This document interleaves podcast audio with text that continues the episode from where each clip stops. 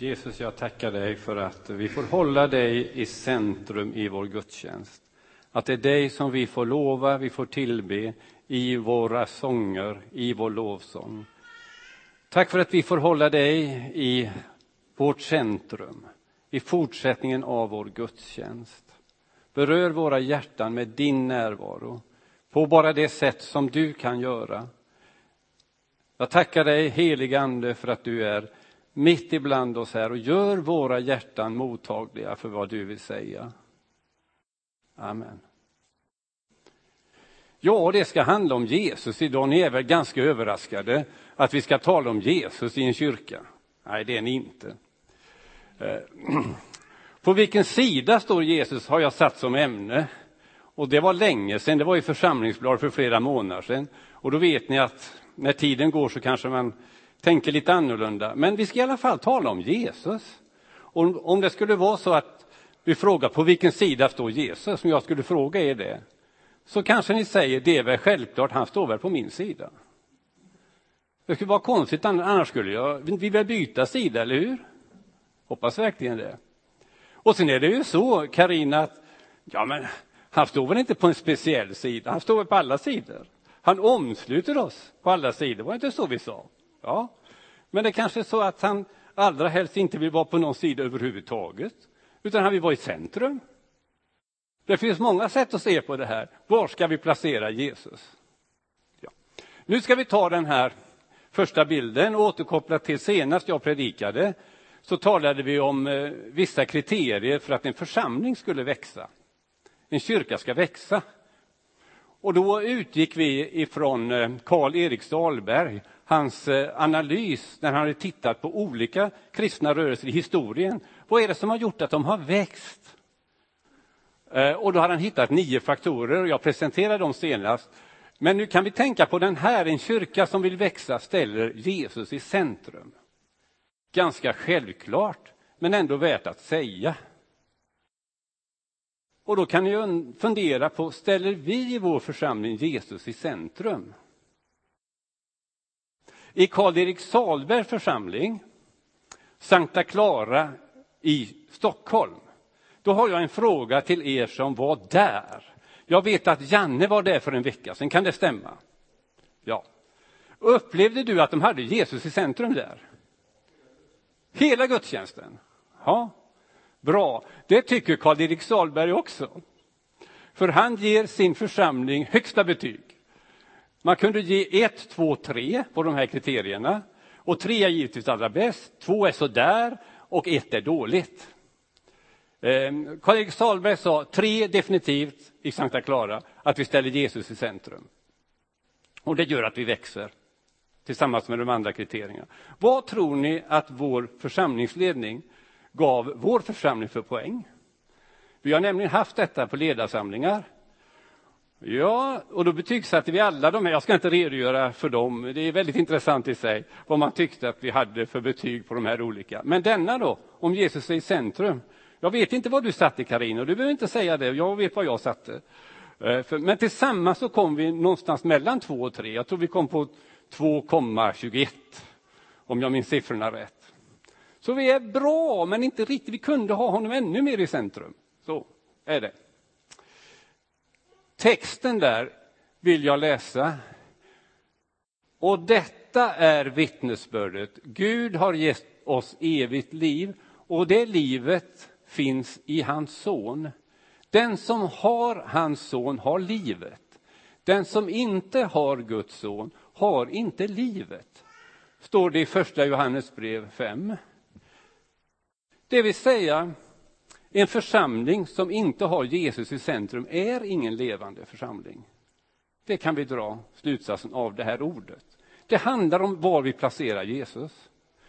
Och sen ska vi på tisdag när vi har ledarsamling, då ska vi reflektera över alla de här andra grejerna som finns i periferin. Då. Ni ser att det finns ganska mycket runt omkring det. Själva kyrkan är inte i centrum. Och teologin är inte i centrum. Och, eh, framtiden och idéerna och människorna är inte heller i centrum. Eh, och inte våra planer. Ska inte vara. Utan när vi pratar om allt det här så ska vi ändå rikta in oss Betyder detta som vi gör att vi sätter Jesus i centrum eller inte? Det måste vara vårt kriterium. Och är det så att vi upplever att vi har fel fokus, nått ut i periferin, då måste vi rikta om oss och komma in i Jesus. Så är tanken med det här.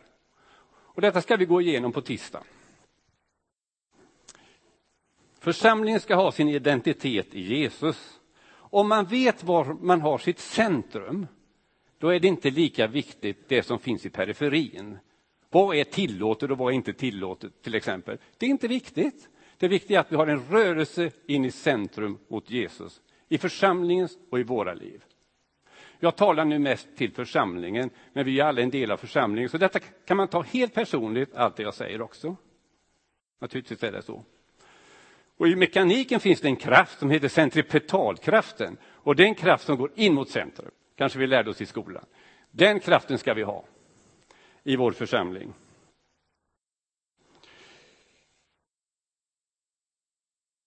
Det är beklämmande att när det gäller konflikter i världen så kan man få det intrycket att alla, båda sidor, om det nu är en, en sån konflikt, menar att Gud är på deras sida.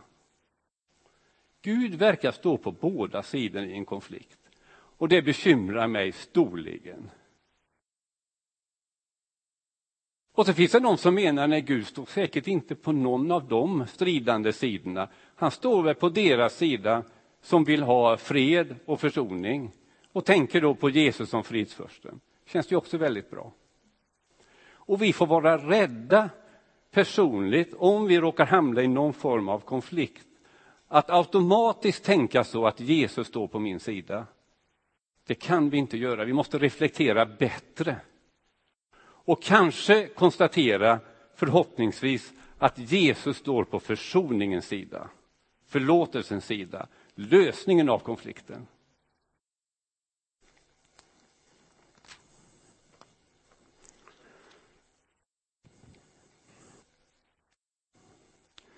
Och frågan är då, ska vi anpassa Jesus till det vi gör? Förstår ni hur jag tänker? Vi hittar på en massa saker i församlingen och så vill vi motivera det. Vi kan till och med hitta fantastiska bibelord som motiverar att vi gör så här. Och så försöker vi få in Jesus där vi är. Det är bättre att göra motsatsen. Först titta, försöka få reda på var är Jesus? Och sen försöka justera det vi gör in där, där Jesus är. Hoppas vi kan göra det i vår församling. Hoppas jag kan göra det i mitt liv. Vi kan göra det. Det är den inriktning vi ska ha. Och då får man gå lite till kunskapen om Jesus som vi har i evangelierna. Hur är Jesus då? Vad är det vi ska fokusera på? Vad är det vi ska efterlikna? Vad är det vi ska följa? Vi ska följa Jesus. Och för att veta hur det går till så måste vi skaffa oss kunskap. Och den primära kunskapskällan är Bibeln och evangelierna. Det ser vi hur Jesus fungerade, vad han gjorde, hans eh, lära och hans liv. Och då har jag funderat lite den sista inför den här predikan, men jag gör det ofta annars också. Om Jesus skulle komma här fysiskt och vara ibland oss, vad skulle han göra om han gick gången fram här? Och vi kanske blir lite oroade vad han kommer att säga. Det kan vi vara, det ska vi vara. Vi ska reflektera över detta. Var kommer jag hitta Jesus? Och om jag är med som en av hans lärjungar så kunde jag få se honom sitta vid tiggaren på Hemköp, på parkbänken i Mölndals centrum. Jag är övertygad att det är stället där jag skulle finna honom. Inte för att han skulle säga att det ni gör är okej, okay, men jag vill dela era liv, jag vill möta er med nåd och barmhärtighet. Jag tror faktiskt också att jag skulle få hänga med in i stadshuset. Nu går vi dit. Vi har något att säga dem där. Och så går han in och så kanske han begär att få lite talartid i talarstolen och så säger han någonting om hur han upplever eh, situationen i Mölndal. Jag skulle faktiskt inte bli överraskad. Eller om man säger nu ska vi resa lite längre, vi ska resa till huvudstaden nu. Häng med här lärjungar. Och så ska vi gå in i riksdagen. Kanske vi där också får äntra talarstolen, eller jag får göra. Jag ska be, jag kan få lite tid. Och så ska jag säga någonting där. Jag skulle faktiskt inte bli överraskad. Sen skulle han göra saker som kanske överraskade mig. Vad jag tänker på här som bakgrund är ju att Jesus till exempel satte sig ner och samtalade med en kvinna ur ett folk som var föraktat och förändrade hela hennes liv. Därför tror jag kan hitta honom på parkbänken i Mölndals centrum. Jag tror det. Eller att han gick in i synagogan i eh, eh, Kapernaum och bad att få säga något, tog bibelordet och sa någonting inför alla där. Det liknar ju lite det som ska kunna hända i stadshuset i Mölndal. Sen kanske det är överraskande saker. Han kanske tar med oss in på kasinot i Göteborg och röjer lite i spelborden. Jag vet inte, det kan ju vara så. Tänk på att han gick in där i templet och röjde lite bland pengarna och de höll på där med affärer och grejer. Alltså vi ska inte bli jätteförvånade om det skulle vara så. Var är Jesus i vår tid? Vad skulle han vara om han kom hit? Det är intressant tycker jag att fundera på detta. Det säger lite vad Jesus är. Nu ska vi ta en eh, ganska känd berättelse och fråga oss så här. På vilken sida står Jesus i dagens bibeltext? Det är nästa bild, tack. Vi kan konstatera att Jesus står på de svaga sida mot etablissemanget ofta, på de utsatta sida och inte alls i linje alltid med dagens kulturelit. Nu går vi till dagens text och jag tar inte tid att läsa den, det var väldigt vad det var dunkelt. Är det någon som har en aning om vad den där bilden ska illustrera för bibelberättelse? Det syns lite för dåligt. va? Jag tror att jag har bättre fokus där. Ni kan vända er om och se där. Vad är det för bibelberättelse? Förlåt? Tom ser en båt. Är det någon som ser något annat? Jaha. Eh, Jesus stilla stormen. Det är riktigt. Det, det, det, så upplever jag att den, jag, jag har hämtat den på nätet och det stod inte vad det var, men så tolkar jag det också. Och den kan vi alla från söndagsskolan, eller hur?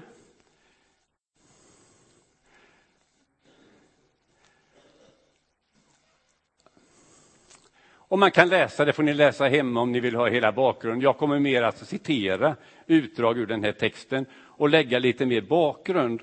För det är nämligen bra att få lite faktabakgrund till texterna i Bibeln. Och här har jag forskat lite. Och då växer i alla fall för mig hela den här berättelsen och blir någonting mycket mer än att Jesus stillade stormen. Det är bara en detalj i det här sammanhanget. Det är som en, en parentes. Och det var inte det som gjorde lärjungarna skräckslagna. Att de skulle ut på en stormig sjö. Det var någonting helt annat, mentalt, som störde dem och tänkte, vad håller Jesus på med nu? Och det är när Jesus säger, låt oss fara över till andra sidan sjön. Och då tänker inte lärjungarna, oj, det kan blåsa upp. Nej, det är de vana vid. Speciellt fiskarna. Det var de inte oroliga för. De var oroliga för någonting helt annat. Vad är det för sida vi ska till? Där har vi aldrig varit.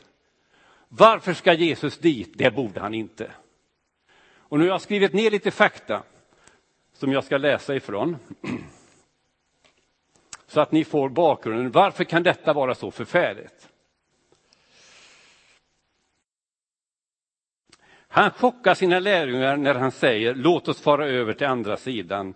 Det handlar inte bara om andra sidan sjön geografiskt utan om en helt annan sida mentalt och kulturellt. Det var fientligt territorium. hedningarnas område. De judiska rabbinerna hävdade att det var Kanans område. Kanans sju stammar bodde där. Där fanns hednatemper. och lyssna nu. Där hyllade man våld, sex, girighet. Allt det som Israel inte stod för. Man uppfattade det som Satans område, en mörk, ond, demonisk och upprorisk trakt. Kan ni känna nu hur lärjungarna kände det, nu ska vi dit, på den sidan, det är inte sant. Till råga på allt ansågs grisen vara ett heligt djur där. Allting var tvärtom. Ni vet ju att grisen för judarna var eh, oren, högsta grad. De tio städerna som fanns på andra sidan, Dekapolis betyder eh, tio städer, var på Jesu tid dessutom ett romerskt maktcentrum. En legion med 6 000 soldater var placerade där och deras symbol var ett svinhuvud. Ingen, allra minst en rabbin, kunde bege sig dit. Men Jesus och lärjungarna ska nu tydligen bege sig dit. Inte att undra på om lärjungarna var skräckslagna. Vad tänkte de inom sig? Kanske de tänkte så här, vad sysslar Jesus med nu? Har han inte koll på sidorna? Ska han lämna våran sida och gå till deras sida? Det, kan det möjligen vara så att han, han är intresserad av alla sidorna? Han vill välsigna alla sidorna. Kan det vara så?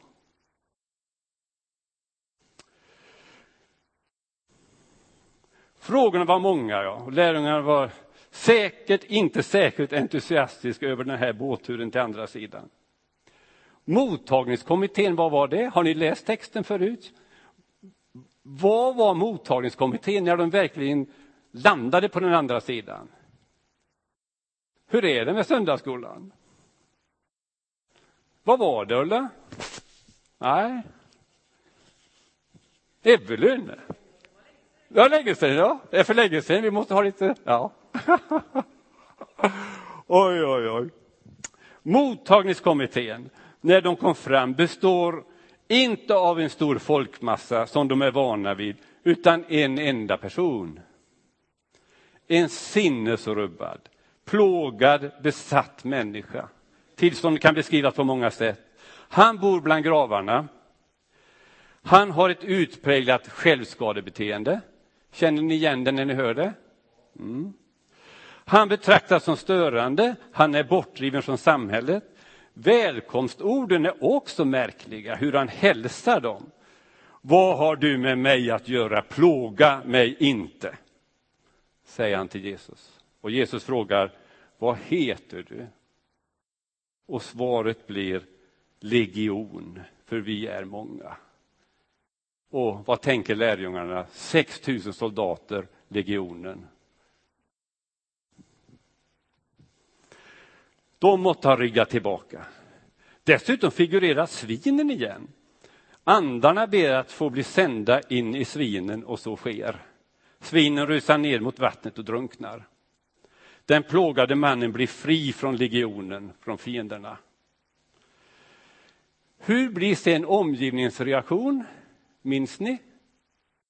Hur reagerar de på detta på andra sidan?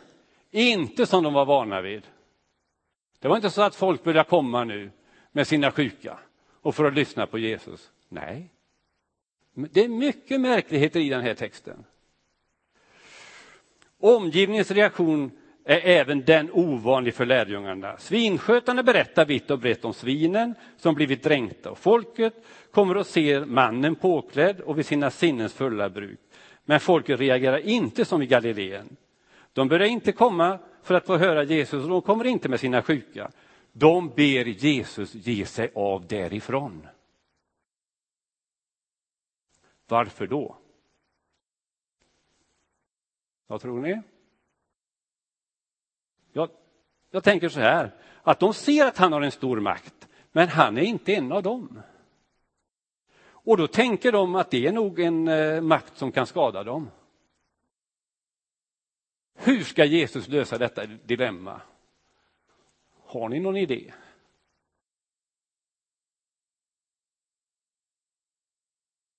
Alltså, Miriam hon har läst Bibeln.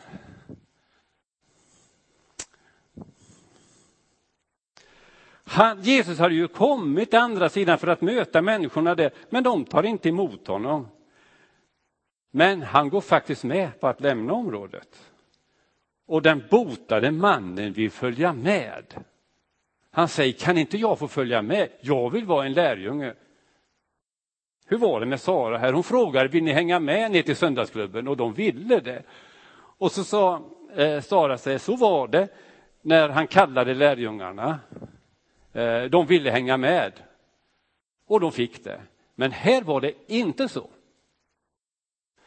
Jag tror att det är första gången, i alla fall i Bibeln, Eh, som, eller enda gången kanske, som Jesus inte säger följ med mig, utan säger stanna kvar. Stanna kvar. Det är bättre om du är här på andra sidan än komma tillbaka med mig till den sida jag kom från. Förstår ni strategin? Jesus är en fantastisk strateg och han visar oss hur vi skulle kunna vara för att nå den andra sidan. Det är det jag kommer till så småningom. Vi måste ha någon där på den sidan. Han ska vara kvar där. Han är en av dem. Han kan berätta och på sikt kommer de att tro att detta är något äkta.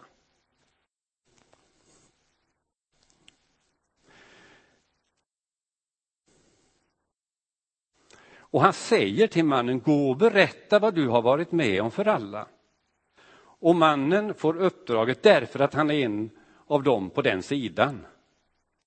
Han gör som Jesus säger och överallt häpnar man över vad han berättar.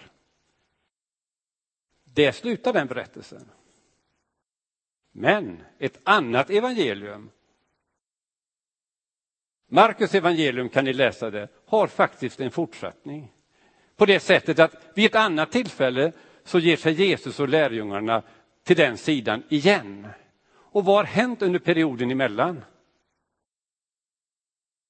Det som denne mannen som blev botad har berättat har spritt sig och blivit till en ny attityd mot Jesus. Så när han nu kommer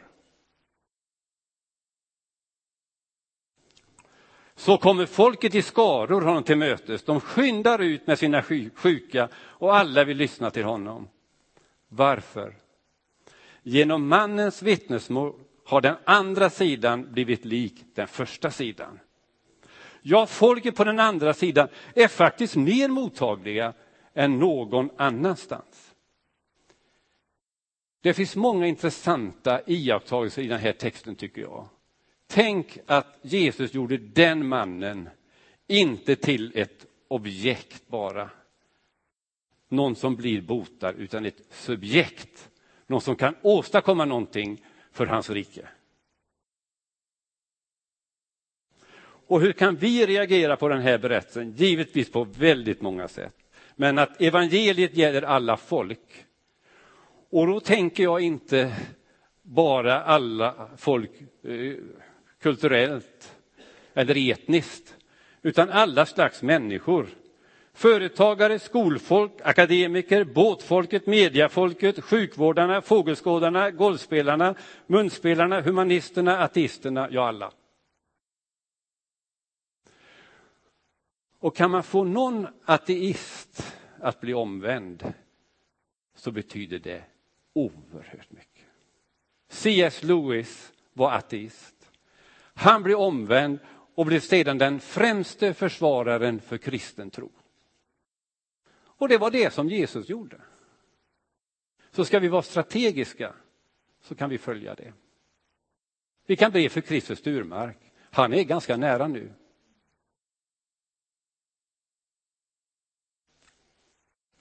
Ett litet tips också. Gör det som är lite annorlunda, det överraskande. Gå lite över gränsen av det förväntade och ge det ut på andra sidan. Det är kanske vi som ska röra på oss och inte de andra. Om de inte kommer till kyrkan, då får vi väl ge oss ut till den andra sidan. De kom inte över sjön till Jesus, utan Jesus fick gå till dem. Och Jesus vände inte ryggen åt några sidor. Gör som Jesus, ta dig över till andra sidan.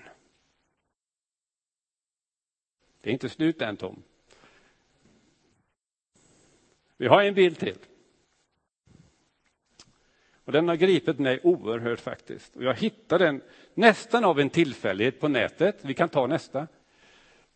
Eh, för jag sökte faktiskt på orden eh, nåd och barmhärtighet och hittade denna skylten. Jag vet inte om den finns i verkligheten eller om det är något slags montage. Men det, står, det är en vägkorsning. Och det står mercy och grace, alltså barmhärtighet och nåd. Den korsningen finns. Jag skulle vilja säga, om du vill hitta Jesus så kommer du att hitta honom i korsningen mellan nåd och barmhärtighet. Mm. Sök honom där.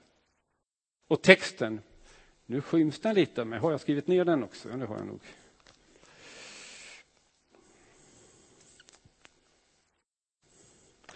Herrens nåd är det att det inte är ute med oss, ty det är inte slut med hans barmhärtighet. Den är var morgon ny. Ja, stor är din trofasthet. Här har vi nåd och barmhärtighet koncentrerat i ett bibelord. Från klagovisorna faktiskt.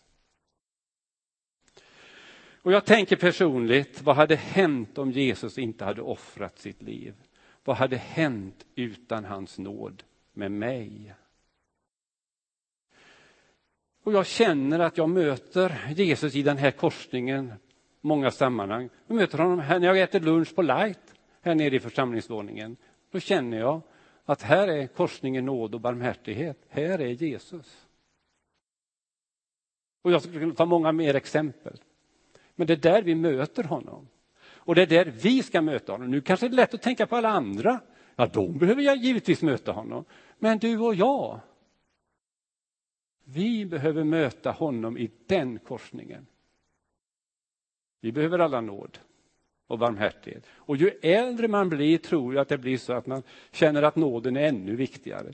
För man har varit med om så mycket i sitt liv som man inte borde varit med om, om man hade mm, följt honom. Och då blir behovet av nåd större och större för varje år som går. Så där är vi. Och nu är det så väl ordnat, vänner, att den här korsningen, den är här. I denna kyrkan, här och nu, på denna plats, är korsningen nåd och barmhärtighet. Så ni är välkomna att ta emot det, var och en av er. Och det är lämpligt att göra det i samband med nattvarden. Eh, vi kallar ju nattvarden också för nådens bord ibland. Och här är verkligen korsningen nåd och barmhärtighet.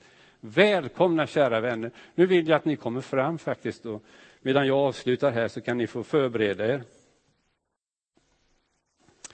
Som Karina sa så är ni välkomna att få hjälp i samtal och bön. Och eh, där möta Jesus i korsningen nåd och barmhärtighet. Och våra vänner här, jag vet inte om vi sjunger tillsammans, kanske rent av den kommer här. Eh, en underbar eh, sång som jag har önskat.